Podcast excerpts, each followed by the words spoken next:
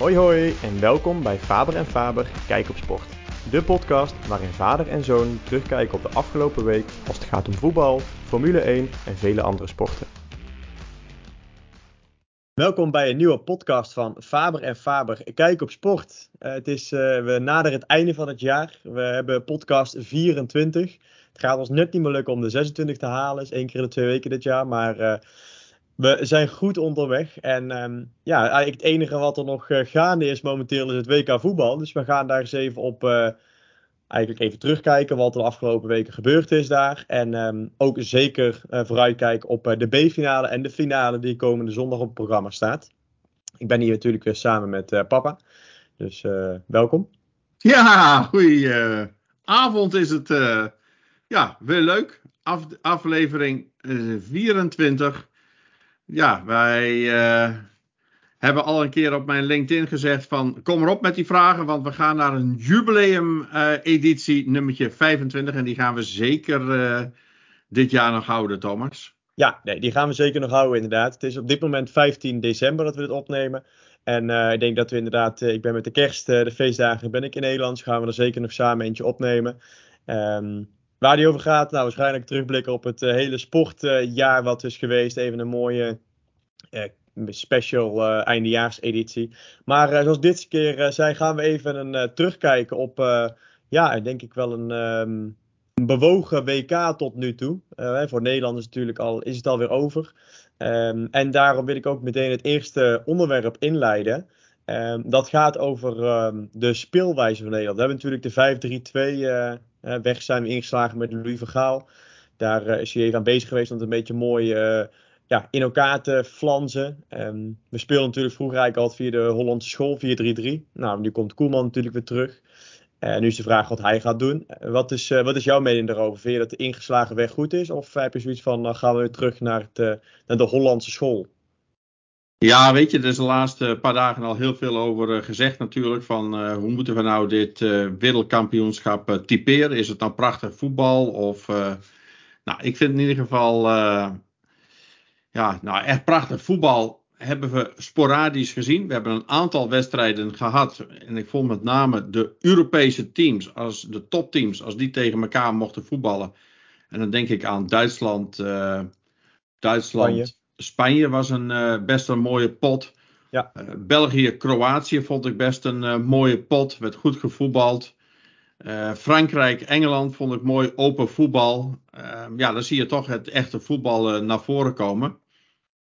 Ja, en Nederland. Ja, Nederland een beetje gebaseerd op de spelers die we op dit moment hebben. En ja, een aantal jaren geleden hadden we geen goede verdedigers en meer betere aanvallers. Nu is het andersom. En ja, leunen we toch wat meer op onze verdedigende kwaliteiten. En zie je toch wat meer het uh, ja, drie man vast achterin met twee uh, wingbacks. de, de, de vijf man achterin. En dan 3-2. Ja, drie, en maar twee man voor, voorin. Ja, ik vind het eigenlijk gezegd een beetje tegen de Nederlandse cultuur en manier van voetballen in. Een mooi voorbeeld tegen de Verenigde Staten ja, dan doen we op een of andere manier een uh, soort uh, ja, uh, behoudende pressing voetbal. Ik weet niet hoe hij het precies noemt, onze Louis van Gaal. Maar dan denk ik van, come on guys, daar moeten we toch gewoon dominant gaan voetballen. En die tegenstander gewoon vastzetten. En ik snap misschien ja, dat dan Amerika misschien nog wel een kans heeft om te winnen. En op deze manier 5-3-2 hebben ze geen enkele kans. Maar ik vond het echt saai voetbal. Eén mooie aanval over 20 schijven en een doelpunt. Ja, dat was eigenlijk het enige hoogtepunt bijna in, eh, in, op, op ons hele toernooi. Behalve dan de laatste, ik zou zeggen, echte Nederlandse dominante voetbal tegen Argentinië. En toen hebben we echt uh, eh, 25 minuten lang echt dominant gevoetbald. Ja, dat vind ik gewoon, daar, daar vind ik het mooiste. Misschien is dat wel naïef in deze tijd. Maar ik vind gewoon uh, ja, dat we onze poldercanatio, uh, cantanatio maar uh, af moeten zweren. En meer naar het, uh, ja, ik zou zeggen, de old school, het 4-3-3. Ik zou daar liever naar terug gaan. Ja, dat is in ieder geval mijn mening. Ja, ik ben het wel met je eens. Wat, ik, wat natuurlijk een beetje het idee was nu, was natuurlijk die twee wingbacks op te laten komen en voorzet te kunnen geven. mee naar binnen te kunnen laten komen. Maar ik vind, als je natuurlijk gaat kijken naar het hele WK, is er één echt elftal. Um, heel misschien Spanje heeft het een klein beetje gehad met Morata voorin. België misschien een beetje, maar België werkt natuurlijk voor geen meter. Maar eigenlijk zie je dat bij, Spa bij Frankrijk, die hebben natuurlijk een echte spits voorin staan met die Giroud. En je ziet toch wel dat, dat is toch een soort bliksemafleider. Je hebt natuurlijk daar op de flank heb je voetballers staan. In de spits heb je gewoon een echte, echte kopper staan. Hij heeft natuurlijk uh, een mooie kopdoelpunten gemaakt, Giroud al. Um, ik, denk, ik denk toch dat, dat Nederland daar ook heel veel baat bij zou kunnen hebben. Ja, we hebben het gezien natuurlijk tegen, tegen Argentinië. Op het moment dat plan B erin kwam, hè, de, de 80ste minuut ongeveer, uh, met z'n tweeën, uh, Luc de Jong en uh, Wout Weghorst. Beide goede koppers. Ja, dan zie je toch dat daar veel meer dreiging vandaan komt. En je hebt natuurlijk fantastische voetballers die in de basis op links en rechts kunnen voetballen. Hè. Je kan een Gakpo, je kan een Bergwijn, Memphis Depay is vroeger bij PSV natuurlijk ook altijd gewoon op de back of op de, op de flank heeft hij gespeeld. Ik denk dat dat ook veel beter bij Nederland past. Gewoon vier verdedigers, um, drie middenvelders en uiteindelijk gewoon twee man op de flanken die een voorzet kunnen geven. En, en waar een spits hebt staan, à la Luc de Jong en à la Wout Weghorst. Het zijn geen geweldige spitsen, maar ze zijn wel hartstikke goed in koppen. En ik denk dat daar inderdaad uiteindelijk veel meer kracht ligt. Want je, je kan meer domineren. Um, je kan echt tegen mindere tegenstanders ook ja, je, je spel, het spel maken. Ook tegen Qatar vond ik het zo dramatisch. We maakten het spel misschien, maar het was alleen maar als het, als het niet tiki-taka er doorheen kwam, dan was het niks. En landen zoals Argentinië hebben natuurlijk alleen maar kleine mannetjes in dat elftal staan. En als je daar inderdaad ziet dat je wat koppers erin gooit, nou dan maak je meteen een doelpunt. Dus ik heb gewoon, ik heb gewoon zoiets van, ik denk dat 4-3-3 ook wel past bij Koeman. Dus ik denk dat het heel goed is als Koeman gewoon weer terug naar het oude systeem gaat. En uh, daar uh, de, het team op uh, gaat inrichten. En vanuit daar dat we weer door kunnen stomen. En je hoeft niet altijd pressingvoetbal te spelen met 4-3. 4-3 kan ook natuurlijk verdedigend zijn. Hè, dan ga je met de punt naar voren of de punt naar achter spelen met, uh, de, met middenveld. Um, ik denk dat je daar ook heel veel ja, verschil op kan maken. Als je natuurlijk met, een met meer verdedigende middenvelder speelt, dan kun je natuurlijk ook heel simpel zeggen van nou goed, ik heb gewoon een, uh, ik heb vijf verdedigers, zoals je nu ook had. Dus ja, ik, um, ik denk ook dat 4-3 beter is. Het was een leuk systeem om te oefenen. En het leek een beetje tegen Amerika alsof de, beter, de, de tegenstander werd. Alsof wij ook beter werden. Maar dat uh, viel eigenlijk allemaal in het niet toen we tegen Argentinië gingen spelen. Dus um, ja, terug naar de oude uh, Hollandse school. 4-3-3, gewoon simpel. En um, kijken of we daar weer furoren mee kunnen maken. Ik, maar je ziet wel, met name de wedstrijd Nederland-Argentinië, waar wij dan een 5-3-2 op het veld zetten, zie je gelijk ook Argentinië reageren, ook met 5-3-2. Je ziet ja. wel veel meer uh, tijdens dit toernooi wat meer behoudend uh, voetbal, meer uh, verdedigend. niet dat flitsende, mooie aanvallende voetbal. Het enige team waarbij je dat eigenlijk wel zag, dat was, vond ik, Brazilië. Dat vond ik nou wel een mooi swingend team. Met veel individuele kwaliteiten, veel ja, veel, veel, veel uh, acties. Hè, uh, echt op, op, op individuele kwaliteiten. Ik vond dat wel mooi om naar te kijken. En, ja. uh, want ja, eigenlijk zeg maar ook onze tweede stelling van, of stelling, maar ook vraag. Hè. We weten nu dat de finale Argentinië-Frankrijk is. We hebben twee afleveringen geleden en de vorige aflevering ja, brachten wij naar voren. Argentinië zagen wij als de wereldkampioen. Nou, wat dat betreft zitten we nog altijd op koers. Hè? We en Frankrijk toen, benoemden we ook. Wat zeg je? Frankrijk benoemden we ook. Ja, maar in ieder geval, we, we waren heel duidelijk uh, Argentinië als de, uh, de, de, de kanshebber. En we zeiden toen ook Zuid-Amerika. En we hebben toen ook Argentinië of Brazilië genoemd. Maar met name Argentinië. Mm, Oké, okay, we zien die finale dan. Argentinië, Frankrijk. Mijn vraag is van wie zou jij graag als wereldkampioen zien en waarom? Um, nou, eigenlijk om heel veel redenen. Uh, simpel gezegd Frankrijk. Um, stukje, eh, eh, ik vond het een verschrikkelijke wedstrijd tegen Nederland. Uh, de wedstrijd tegen Kroatië vond ik ook eigenlijk verschrikkelijk. Je bedoelt dan Argentinië? Argentinië inderdaad, ja. we hebben gelukkig niet tegen Frankrijk gespeeld. Argentinië inderdaad, ja. Ik vind Argentinië het iedereen heeft het erover. Het is natuurlijk vanaf het begin af aan natuurlijk al een heel scheef WK. Waar natuurlijk echt omkoperij gewoon naar buiten kwam. Hè? Dat uh, Ecuadoriaans elftal over omgekocht was. Praktisch voor de eerste wedstrijd tegen Qatar. Um, hè, er was veel, gebeurt natuurlijk veel. Uh, een, een, een Spaanstalige scheidsrechter die op Nederland-Argentinië wordt gezet. Uh, een Argentijnse scheidsrechter op Marokko-Portugal wordt gezet. Um, uh, zoals jou, het riekt naar vals spel, inderdaad. En er wordt heel low gesproken, veel complottheorieën. Maar ik vind het wel. Ik, ik... Je bedoelt dan complottheorieën om Messi met Argentinië wereldkampioen ja. te laten ja, worden. En dat, zodat dat... Qatar opvalt met Messi, de aller, allerbeste voetballer ter wereld, die daar met zijn team wereldkampioen wordt. Dat is een beetje de complottheorie. Precies, dat inderdaad Messi, dat Qatar, want natuurlijk Qatar zal nooit herinnerd worden. Ja, misschien om die 6500 doden die gevallen zijn tijdens de bouw, maar daar willen ze niet om herinnerd worden. Ze willen natuurlijk om iets legendarisch herinnerd worden. want volgens mij is de laatste keer is 1986 geweest, volgens mij of zo, dat Argentinië wereldkampioen is geweest. Ja, in Mexico tegen Duitsland. Ja, precies, inderdaad. En daarvoor was het 78 tegen Nederland, volgens mij toen. Ehm, en, en nou, ze willen natuurlijk weer hè, iets, iets unieks hebben. De beste voetballer ooit, uh, wat het zou moeten zijn. Um, en er is ook nog een link uh, met uh, Paris Saint-Germain. Eigenaar is een Qatar-sheik of emir of prins. Qatar, waarbij toevallig ook ene Messi voetbalt.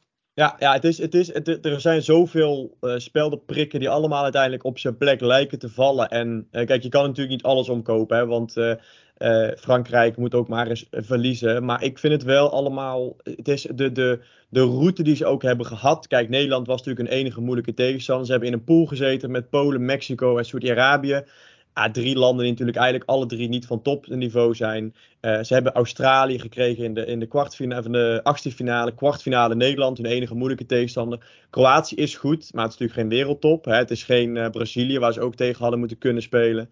Um, dus het is, het is ook een hele makkelijke route geweest. Um, Frankrijk heeft ook zeker geen moeilijke route gehad. Um, want tegen wie moest hij ook weer in de kwartfinale? Was het Zuid-Korea of, of ook weer achtfinale? Um, Oeh. Ze hebben Engeland gehad. Engeland hebben ze gehad. Oh ja, Engeland hebben ze kwartfinale, maar de, ja. de, de, de achtfinale was mij Zuid-Korea, zoiets van die, van die trant als volgens mij ergens.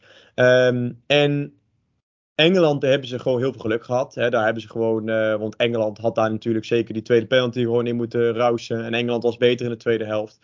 Maar Frankrijk, uh, nou goed, we zeggen, Frankrijk heeft in ieder geval meer tegenstand gehad. Ook niet een hele moeilijke route.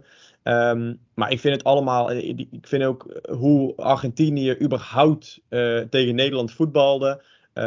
Zo overdreven, zo provocerend. Nederland was natuurlijk ook niet helemaal goed bezig, maar te provocerend.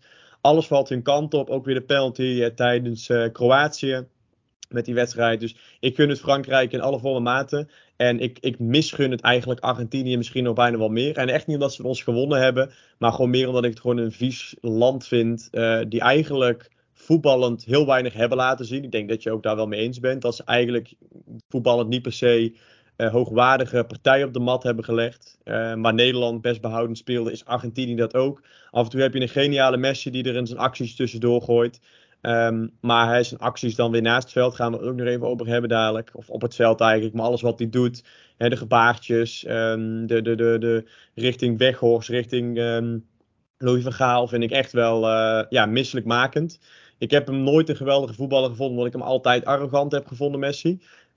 Qua talent is hij misschien de beste. Maar ik vind het een hele arrogante voetballer altijd al geweest. Um, dus ik, uh, ik gun het in alle vormaten Frankrijk. Hoop dat ze de titel prolongeren. Het is gewoon een elftal met op elke linie, elke uh, positie hebben ze goede voetballers staan. En dan is de helft van het team nog ook nog geblesseerd met Pogba, Kanté en uh, Benzema. Dus ik, uh, ja, ik, ik hoop dat Frankrijk een mooie pot op de mat legt. En Argentinië volledig zoek tikt. Daar gaan we voor. En Messi goed afgestopt weet te worden door de verdediging. En dan dat hij mooi afgaat zonder WK-titel. Dat, dat is waar ik op hoop. En nogmaals, niet door de wedstrijd tegen Nederland, maar gewoon, dit is mijn, dit is mijn mening altijd al geweest over Messi. Je kan het vast wel verifiëren dat ik altijd Ronaldo als betere voetballer heb gezien. En uh, dat vind ik nog steeds, ook als Ronaldo ook een uh, jankbal, daar niet van. Maar goed, dat is mijn mening over de finale. En ik hoop oprecht dat Frankrijk hem uh, gaat prolongeren. Nou, even daar op Frankrijk. Ik ben het met je eens, jouw betoog. Wat ik een beetje op Frankrijk tegen heb is, het is een geweldig elftal. Ze hebben echt de beste voetballers. Ja. Ze zetten even aan, ze maken de 1-0. En wat gaat Frankrijk dan bijna altijd doen? En daar bijna kun je wel bijna doorstrepen. Dan gaan ze, dan gaan ze terugleunen. Dan ja, laten ze de tegenstander uh, gaan ze laten ze voetballen. Gisteren zagen we dat ook tegen een, ja, voor mij nog altijd een B-elftal, uh, Marokko. Ja. Want dat vind ik nog altijd uh, echt uh, B-garnituur. En die hebben natuurlijk echt goed gepresteerd. Een België, een, een, een, een, een, Spanje. Hebben ze toch allemaal verslagen. ja, de, fantastisch. Maar ja, het blijft voor mij niet echt de top of the bill van, van, het, van het voetbal. Ja, en, die en dan leunen ze ook daar weer op terug. En laten ze toch uh, Marokko toch in, uh, in het spel komen, et cetera. En dat zie je iedere keer zie je wel dat weer uh, terugkomen. Nou, moet ook erg bekend in de oren klinken bij onze Belgische luisteraars. Op het vorige WK België, Frankrijk. Ja, daar komen ze voor en dan laten ze België toch het werk doen. Waarbij België dan echt beter is. Ja, weet je, en dat valt mij een beetje ook tegen Kroatië vorig jaar in de finale, of vier jaar geleden dat staat mij een beetje tegen uh, bij Frankrijk. Uh, laat die gasten nou eens een keer 90 minuten gas geven. En hadden ze dat gisteren ook gedaan tegen Marokko. Dan waren ze van het veld gestapt met uh, misschien niet 1-0, maar met 5-1 of 5-2. Maar had iedereen had daar een hele andere beleving bij gehad. Ook de wedstrijd tegen Engeland. Daar komen ze dan redelijk snel dan toch op, op voorsprong. En dan laten ze Engeland ja, Engeland een leuk team, maar laten ze dan toch weer terugkomen. En de tweede helft is in Engeland toch vele malen beter dan. En het is dat Kane die penalty mist. Maar anders waren ze, hadden ze gelijk gespeeld. En, en dat was echt niet nodig geweest voor Frankrijk. Klopt inderdaad, maar ik heb je moet ook wel rekening houden. Als je natuurlijk kijkt naar Argentinië, heeft natuurlijk uh, een paar slopende wedstrijden uh, gespeeld. Uh, natuurlijk tegen Nederland. En Frankrijk heeft misschien ook wel weer slim gaan. Kijk, tegen Engeland is het gewoon gelukkig goed gegaan. We moeten maar te kijken wat de finale doet. Maar je wilt natuurlijk ook niet, als je elke wedstrijd tot het gaatje gaat. Hè, je moet wel om een paar dagen speel je een wedstrijd. Je traint elke dag. Um, ja. Hoog niveau. Ja, maar misschien dat ze wel. Nee, maar als je. Als, als, als Marokko, nou is niet van, Marokko is, heeft veel lange wedstrijden gespeeld. Die kunnen ook gewoon op zijn. Zelfs bij Kroatië. Die zijn, waren misschien gewoon op. Ja, maar dan, dan, zou, dan zou je toch finale, Frankrijk, zo Frankrijk zou er toch op en over moeten gaan. Dat gaat het mij over. Ze, ze leunen te veel terug terwijl ze zoveel kwaliteiten op het veld hebben. Als ik dan, dan bijvoorbeeld kijk naar een Spanje, dan hebben we het over tiki-taka voetbal, waar we niet altijd van gecharmeerd zijn. Want die kunnen helemaal geen afstand schoten. Die willen alleen maar die bal in de, in, in, in de goal lopen. Maar die zijn, wel, die zijn wel steeds bezig. Die zijn 90 minuten, is Spanje bijvoorbeeld, is bezig om te voetballen. Engeland, idem dito, wil 90 minuten lang voetballen. Frankrijk, heb ik het idee, wil geen 90 minuten voetballen. Die willen alleen maar voetballen zolang ze nog op gelijk staan. Dan willen ze voetballen. En dan voetballen ze goed totdat ze voorkomen. En dan gaan ze terugleunen. Ik vind dat echt toch een beetje, misschien wel minachting voor het voetbal. Ja, nee, daar heb je ook wel gelijk in natuurlijk. En ik hoop dat ze in de finale tegen een, Kroa tegen Argentinië wel echt gewoon... En ze zullen ook wel moeten natuurlijk. Maar dat ze dan wel echt gewoon volle bak gaan voetballen. Omdat de laatste wedstrijd is. Um, als we het dan nog steeds niet doen, dan geef ik je helemaal gelijk. Hè. Dat is natuurlijk gewoon jammer dat, dat ze dat doen. Want ik, daarom, eerlijk gezegd, vond ik dat Engeland um, vond ik nog meer verdiend hebben om in die halve finale te staan tegen Marokko. Want ik vond Engeland gewoon fantastisch voetbal op die mat leggen. Zeker in de tweede helft. En die hebben eigenlijk het hele toernooi. Als je gaat kijken welk team heeft heel de toernooi geleverd, dan is het Engeland. Engeland is de eerste wedstrijd. Hè, wonnen ze met 6-2 volgens mij van Iran. Ze hebben een keer tegen gelijk gespeeld tegen Amerika, maar ze wonnen volgens mij de derde wedstrijd ook weer. Um, ze hebben natuurlijk, uh, daarna hebben ze gewoon nog een keer uh, dik gewonnen volgens mij van, uh, nou, wie was het ook in, in, de, in de. Ze hebben in de nou, kwartfinale uiteindelijk dan niet weten te winnen. Maar ze hebben elke wedstrijd hebben ze wel gewoon een goede pot voetbal op mat gelegd. En die wonnen eigenlijk nooit met 1-0 of zo. Dat is altijd twee, drie doelpunten wat zij minimaal wel maakten. En ik vind dat Engeland met, met Saka, met Kane, Foden, nou, Grealish natuurlijk, hij stond er niet heel veel in, maar wel heeft erin gestaan, gescoord ja, vind ik gewoon een, vond ik een swingend elftal, een jong elftal. Helemaal niet het Engeland zoals we het gewend zijn. Engeland is normaal nooit van het tiki-taka mooie voetbal. Um, maar het is wel echt een beetje het voetbal wat we uit Engeland kennen. Het box-to-box voetbal natuurlijk. Gewoon snel naar voren. En ja, dat vond ik wel, vond ik wel heel mooi dit WK. als ik dan zelf bijvoorbeeld een land naar voren zou moeten zetten van wat ik, waar ik van genoten heb, is dat wel echt Engeland geweest. Die wel elke wedstrijd toch wel mooi voetbal op de mat hebben proberen te leggen in ieder geval. Um, dus ja, natuurlijk zou het jammer zijn als Frankrijk ook in het finale dat gaat doen. Um, want als je wat je zegt, de kwaliteiten hebben ze. Ze hebben zoveel kwaliteit op het veld staan.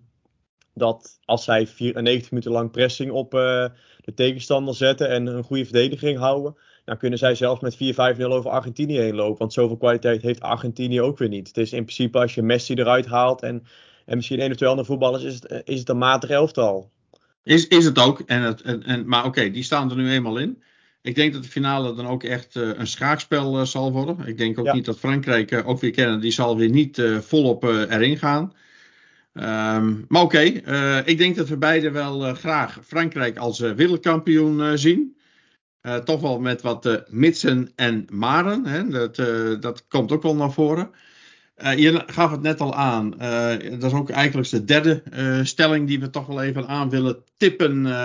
we zien ook wel een aantal toppers ja, vallen van hun, van hun troon of treden terug. Hè, na dit, denk het WK, dan denk je toch aan een Ronaldo, een Messi, een Modric.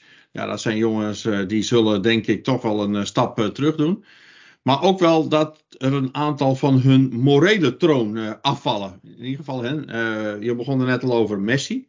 Toch altijd de ingetogen uh, voetballer, de wat bescheidende jongen. Maar ja, we zagen hem toch nu van een hele andere kant tijdens Nederland-Argentinië. waarbij hij behoorlijk tekeer ging.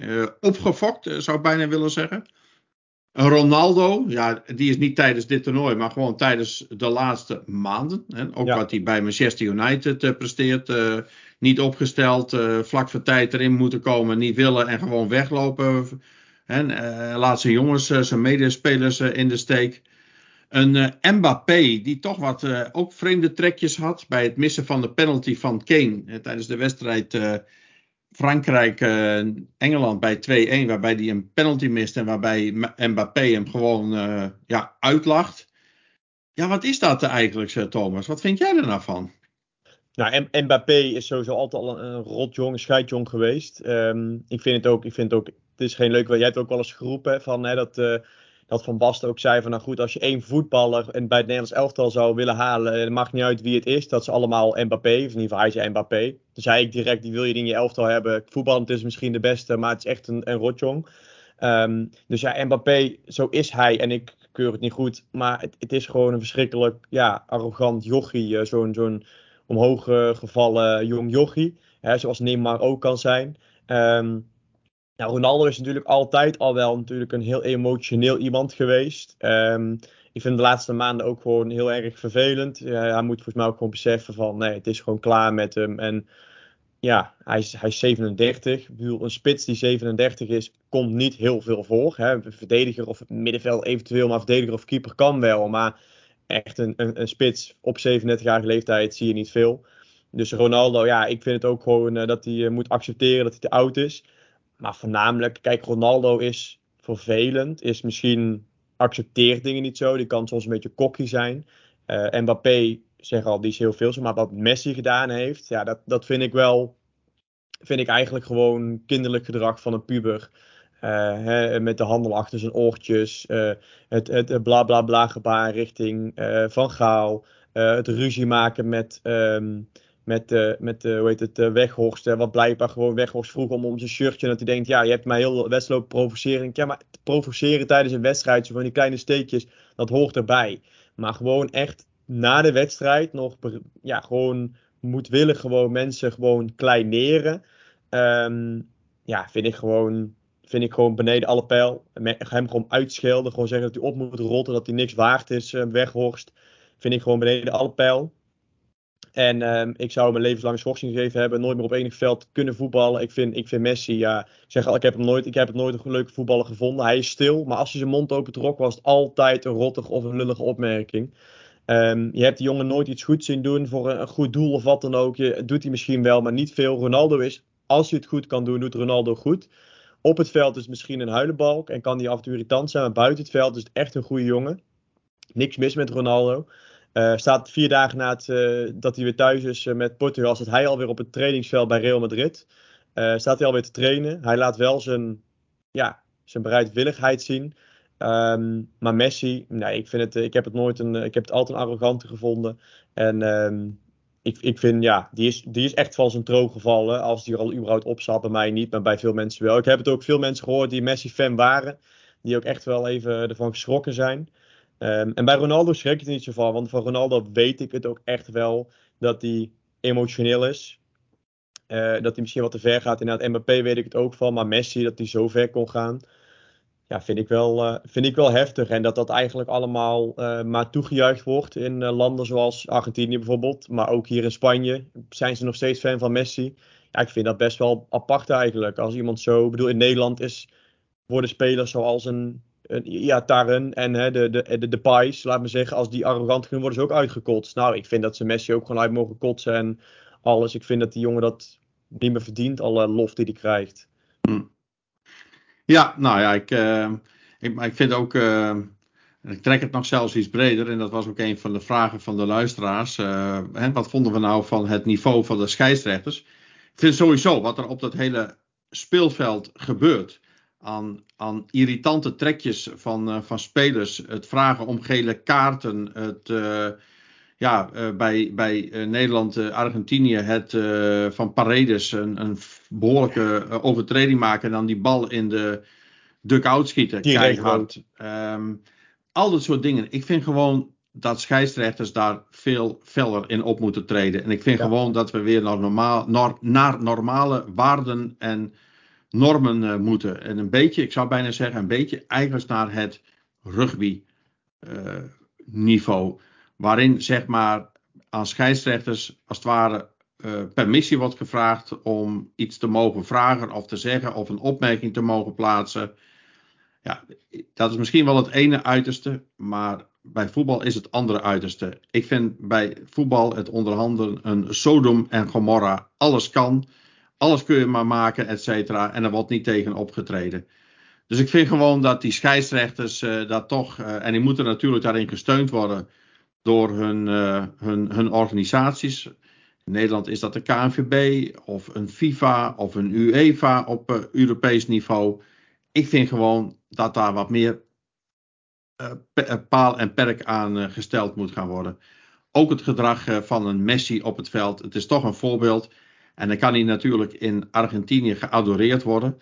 Maar ik denk met name in, in, in de westerse wereld. En niet alleen in Nederland, maar ook de landen daaromheen. Ja iedereen heeft er toch wel iets van gevonden. En ja, ik vind dat ook geen goed voorbeeld. Want het, dit is toch weer waar kinderen hun aan gaan spiegelen, et cetera. Is dat nou het voorbeeld?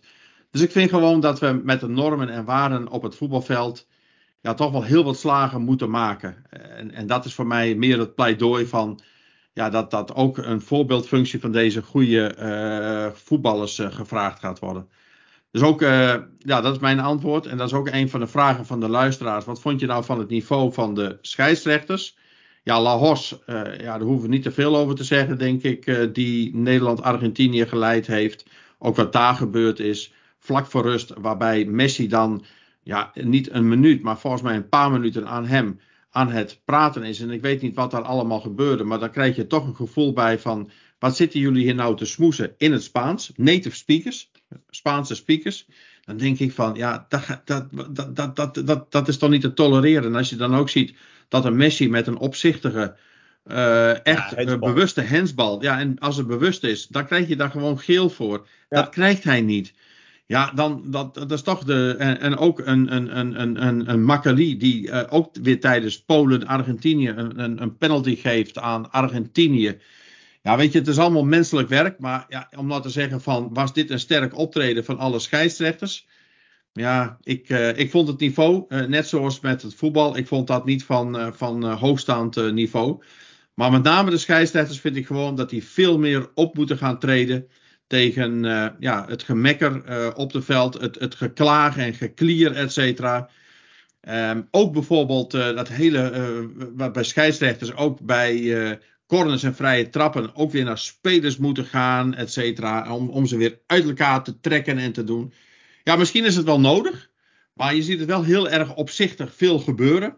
En het leidt alleen maar af. En ik denk gewoon dat we gewoon terug moeten naar de basis van de normale normen en waarden hoe we met elkaar omgaan op het voetbalveld. En dan gaan we niet zitten, te trekken en te tieren en, en te zuigen tijdens vrije trappen en corners, et cetera. Daar gaat veel te veel tijd en energie gaat daarin zitten. Het heeft niks meer met het voetbalspel te maken. Dat is in ieder geval mijn pleidooi op het niveau van de scheidsrechters, maar ook het vele gepraat richting spelers, met name bij corners en bij vrije trappen, et cetera. Laten we nou even weer normaal doen met z'n allen. Ja, nee, ik ben, het er ook helemaal mee eens. En ook het niveau van de scheidsrechter. Je hebt natuurlijk over die handsbal van Messi, maar ook de, de penalty die natuurlijk gegeven wordt. Eh, ik, vind het, ik vind het heel apart dat ehm, we hebben een VAR. En waar is die VAR voor? Die is volgens mij om dubieuze momenten, zeker als een team het aanvraagt, om een team het erom vraagt om een dubieus moment te, ja, te bekijken. En dat een scheidsrechter dan op zichzelf staand een beslissing kan maken om de VAR niet in te schakelen. Ja, ik, ik snap er helemaal niks van. Dit, dit WK, we hebben natuurlijk wel eens een paar, we hebben het een paar keer over gehad dit jaar. Volgens mij onze allereerste podcast. Hè, wat is de toegevoegde waarde, waarde van de VAR? Um, dit, dit WK ben ik eigenlijk alle, alle um, geloof verloren dat er nog überhaupt nog iets, iets klopt aan het scheidsrechtelijk of überhaupt het rechtelijke systeem van het voetbal. Uh, VARs werden de, ja, te pas en onpas ingezet. Als je het hebt over Frankrijk, uh, Engeland. En daar, daar werd ja. de VAR twee keer goed ingezet, vind ik, bij een penalty moment. En dan is natuurlijk altijd nog de vraag van, oké, okay, ben je het hem eens, ja of nee? Maar als er niet eens een VAR gebruikt wordt, iedereen zag letterlijk dat de overtreding bij Nederland-Argentinië gemaakt werd op de lijn. Nou, dan kun je altijd nog hebben, is de lijn, dus dat buiten of er binnen. Maar hij werd in ieder geval niet in het strafschopgebied gemaakt. En ik was toevallig met iemand uit Argentinië aan het, aan het berichten ondertussen. En die zei zelfs ook, volgens mij was het niet eens een overtreding. Nou, als een Argentijn dat zelf al zegt, ja, het, het, het, het, het sloeg alle kanten. Maar dan heb je het ook over de scheidsrechter bijvoorbeeld die bij Nederland-Qatar aan het fluiten was. Nou, ik weet niet wat voor dat voor flatrol aanwezig was, maar die had volgens mij überhaupt nog nooit de cursus gedaan om te kunnen scheidsrechteren. Uh, de, de, goede man kwam uit Gambia, zag ik. Die floot daar de competitie en heeft wel als beste scheidsrechter van Afrika gewonnen. Nou, ik heb geen idee wat dat was, maar die, had, die wist niet eens wat fluiten was. En zo vind ik eigenlijk het hele niveau um, ja, best wel slecht, inderdaad, zoals jij het ook zegt. Uh, Argentijnse scheidsrechters die op cruciale wedstrijden gezet worden. Een Makkeli mag niet de finale fluiten omdat Argentinië erin staat. Omdat we een, een, een, ja, een, een hoge. Uh, een, een, drukke wedstrijd hebben gehad natuurlijk tegen Argentinië, waar veel gebeurd is. Nou, dan snap ik dat Makkeli niet in de finale mag staan. Maar er mag wel een Spaanstalige scheidsrechter op onze wedstrijd staan, Nederland Argentinië. En een andere Argentijnse scheidsrechter op de andere kwartfinale. Die uiteindelijk misschien de tegenstander zou kunnen worden van Argentinië. Nou, ik, ik snap er helemaal niks van. En dat, dat reikt uiteindelijk net zo goed wat ik zei weer naar omkoperij. Dus ik heb op dit WK zoiets van, ja, zijn het de scheidsrechters die slecht zijn? Zijn ze omgekocht? Nou, ik heb aan alle kanten, uh, geloof ik, alles eigenlijk wat gezegd wordt. Maar het was inderdaad uh, qua niveau om uh, niet om over naar huis te schrijven. En ik denk ook dat dit WK um, beter maar gewoon Frankrijk als kampioen kan hebben. Want dan wordt er ook nooit meer over gesproken. Um, want het is echt ja, dramatisch. Het enige leuke was misschien dat, Marokko de halve finale heeft gehaald. Maar ik heb dit WK uh, geen goed voetbal gezien, geen leuke dingen meegemaakt. Uh, scheidsrechters van dramatisch niveau. Uh, eigenlijk heel het land van dramatisch niveau. Dus ik, ja, ik denk dat we weten het hele WK zo snel mogelijk kunnen vergeten en weer door kunnen gaan. En over vier jaar hopen dat er een beter WK wordt georganiseerd. Want dit is echt aan alle kanten dramatisch. Nou, één lichtpuntje dan, Thomas. Wat ik wel goed vond, was de ruime blessuretijden. He, dat er toch wat meer wordt gekeken naar de effectieve speeltijd. Want ja. daar is gewoon gekeken van. Ik geloof dat in Nederland, ik heb al eens gezegd, van de 90 minuten. Dan wordt pas twee derde wat er pas echt effectief gevoetbald. En in Spaans, uh, Spanje is dat uh, volgens mij maar 55 van de 90 minuten dat effectief wordt gevoetbald. Dus 35 minuten in Spanje of, uh, ja, ligt het spel gewoon stil ik vond dat wel goed, dat de blessuretijden van uh, ja, 5 tot 10 minuten uh, was en niet uh, 2 of 3 of 4 minuten. Dus dat op zich vond ik wel goed. Het is nog niet altijd het, zoals bij hockey, waarbij dan gewoon soms echt de tijd wordt stilgezet. En dat zie je ook bij rugby. ja, volgens mij, en ik vind gewoon dat we daar veel meer naartoe mogen gaan, naar effectieve speeltijd. En dan is het misschien geen 90 minuten, want ik weet niet of je wel 90 minuten uh, volhoudt. Daar hebben we de vorige keer ook eens een keer over gehad. Over blessures, et cetera. Het is natuurlijk wel een sport waarbij je niet uh, door, doorlopend kan wisselen. Maar ik vind wel dat je meer naar effectieve uh, speeltijd moet gaan. Dus ik vond dat wel een lichtpuntje. De ruime blessuretijden. En dat was ook een van de vragen van onze luisteraars, wat we daarvan van vinden. Ja, nee, ik, ik vind ook wel. Ik, in het begin vond ik het wel apart, omdat je zag standaard gewoon in de eerste helft werd er drie minuten bijgeteld, twee tot drie minuten. En de tweede helft was eigenlijk standaard 6 tot 8 in de, in de poolfases. Dus ik had wel een beetje het idee van, is dit wel, is er over nagedacht? Of is het gewoon standaard zeggen, we doen gewoon 6 tot 8 minuten en we zien het wel. Mm. Um, ik moet wel zeggen, bij wedstrijden als Nederland, Argentinië, uh, volgens mij ook bij bij Portugal tegen Marokko werden er wel gewoon 10 minuten en 8 minuten bijgeteld. Was wel goed, want er gebeurde natuurlijk het een en ander. Ja. Hè, bij Argentinië lag, eh, lag meer op de grond dan dat ze aan het voetballen waren. Dus 10 minuten was zeker terecht. Ehm, dus dat vind ik heel goed. Dat, dat, wel gewoon, dat daar zeker ook wel rekening mee wordt gehouden. Want je zit- zag vaak dat er er maar 6, 7 minuutjes bij kwam of 5 minuutjes. Ehm, dus in het begin vond ik het wel een beetje wennen. Dat ik dacht van, is het nou wel ergens op gebaseerd? Maar wat je zegt, eigenlijk als je effectief gaat kijken, ongeacht of er nou wel veel doelpunten vallen of veel blessures zijn, is eigenlijk 6 tot 8 minuten al heel gauw dat het spel stil ligt. Ehm, en dat het erbij mag komen. Dus daar heb, ja, ik vind dat ook wel eh, goed geweest. Ehm, en zeker in de knock-out fases vond ik dat ze daar ook wel echt, echt daadwerkelijk goed naar keken. Dat er soms maar een paar minuten bij kwam als ook echt niks gebeurd was. En als er echt veel gebeurd was, dat ze ook echt 10 minuten gaven. Wat je niet veel ziet. Dus dat vond ik inderdaad ehm, vond ik een mooie meevaller. Goede mee Nou, oppikker voor de andere competities om het door te trekken. Precies, dan toch een lichtpuntje. Ja. Hey, en dan eh, kwam er ook nog een vraag eh, binnen over eh, een specifieke speler uit Oranje. Heeft Gakpo, PSV, goed gekozen om langer bij zijn club te blijven? Ja, ik denk het wel. Ehm, kijk, natuurlijk, het WK best al halverwege het seizoen. Ik denk als hij van de zomer weg was gegaan naar United. ehm, ik vond hem afgelopen zomer ook niet in een bepaalde flow zitten waar hij echt goed bezig was. Eh, einde van het jaar, vorig jaar, eh, een beetje de voorbereidingen. Dus ik had zoiets van, ja, als hij weg was gegaan, was hij misschien op de bank terechtgekomen, had hij niet erin gestaan. Ehm, ik vond het al heel wat dat hij nu in de basis stond. Hè, hij speelt natuurlijk een goede eerste wedstrijden, dus daarom is hij waarschijnlijk erin gebleven. Maar ik, ja, ik denk dat hij er niet in had staan als hij niet bij PSV was gebleven. Dan had hij waarschijnlijk op de bank gezeten bij een goede club ergens, bij United of, of wat dan ook. En, en dan had hij daar, had hij natuurlijk, of hij moet nog wennen in een elftal, had zijn draai er niet helemaal gevonden. Dan krijg je een Donny Malen geval. Want Donny Malen is natuurlijk eigenlijk een speler die hoort gewoon in Nederlands elftal thuis. Ehm, maar ja, speelt niet. Dus, dan, dus ik denk dat, denk dat Gakpo daar wel goed aan heeft gedaan. En ik denk dat het ehm, nou ook heel goed is om wel ervoor te kiezen, zeker PSV zijn, om hem gewoon van de hand te doen. Ehm, het kan zomaar zijn dat hij het komende half jaar leuk speelt, maar Europees en alles is PSV natuurlijk niet. eh ja, ze doen ze nog wel mee, maar natuurlijk, het zal niet heel veel zijn waar hij zich kan laten zien. Zijn waarde kan denk ik alleen maar dalen. Eh, dus ik denk als ze hem nu voor 65 tot 80 miljoen, wat dan ook, kunnen, van de hand kunnen doen.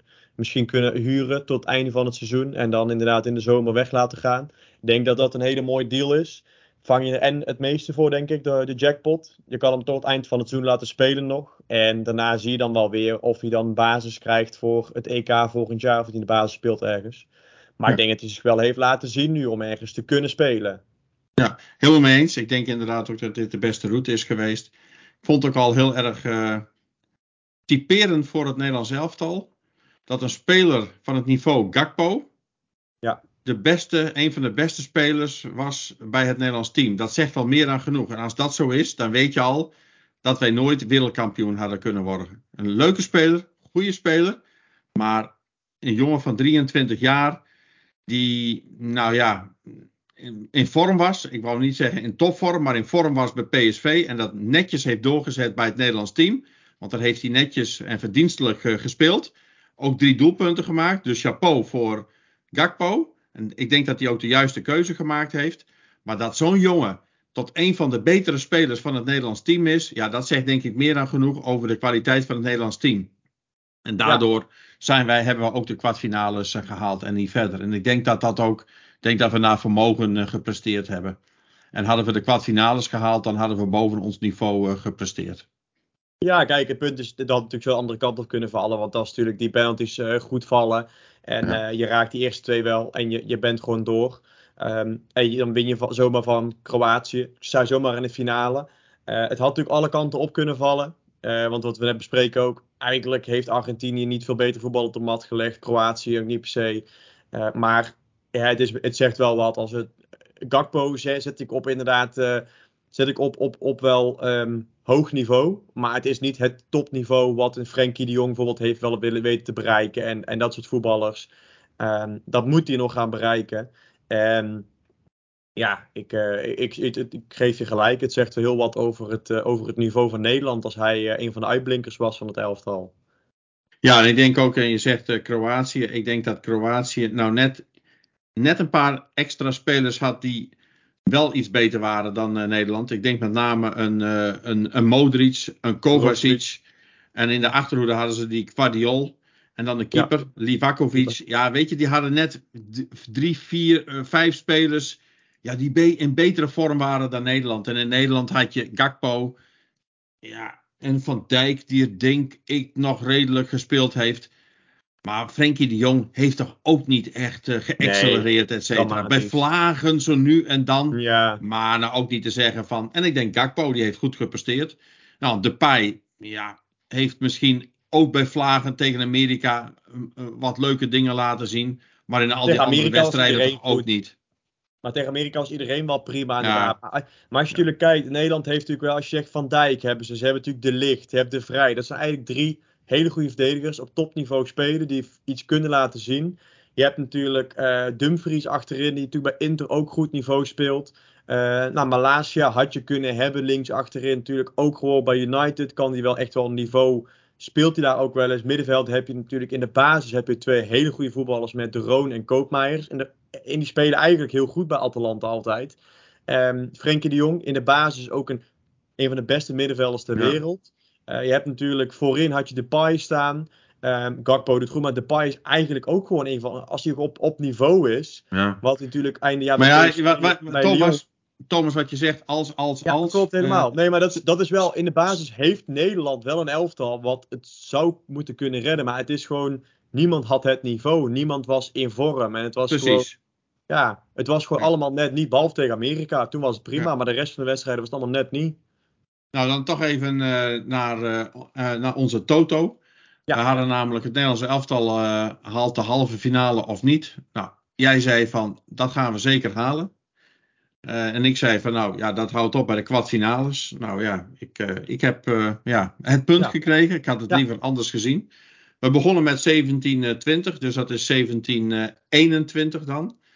Uh, we hadden er ook eentje staan en dat was even uh, buiten het voetbal om. Uh, dat bij de herintreding van Mathieu van der Poel in het veldrijden in, in Hulst.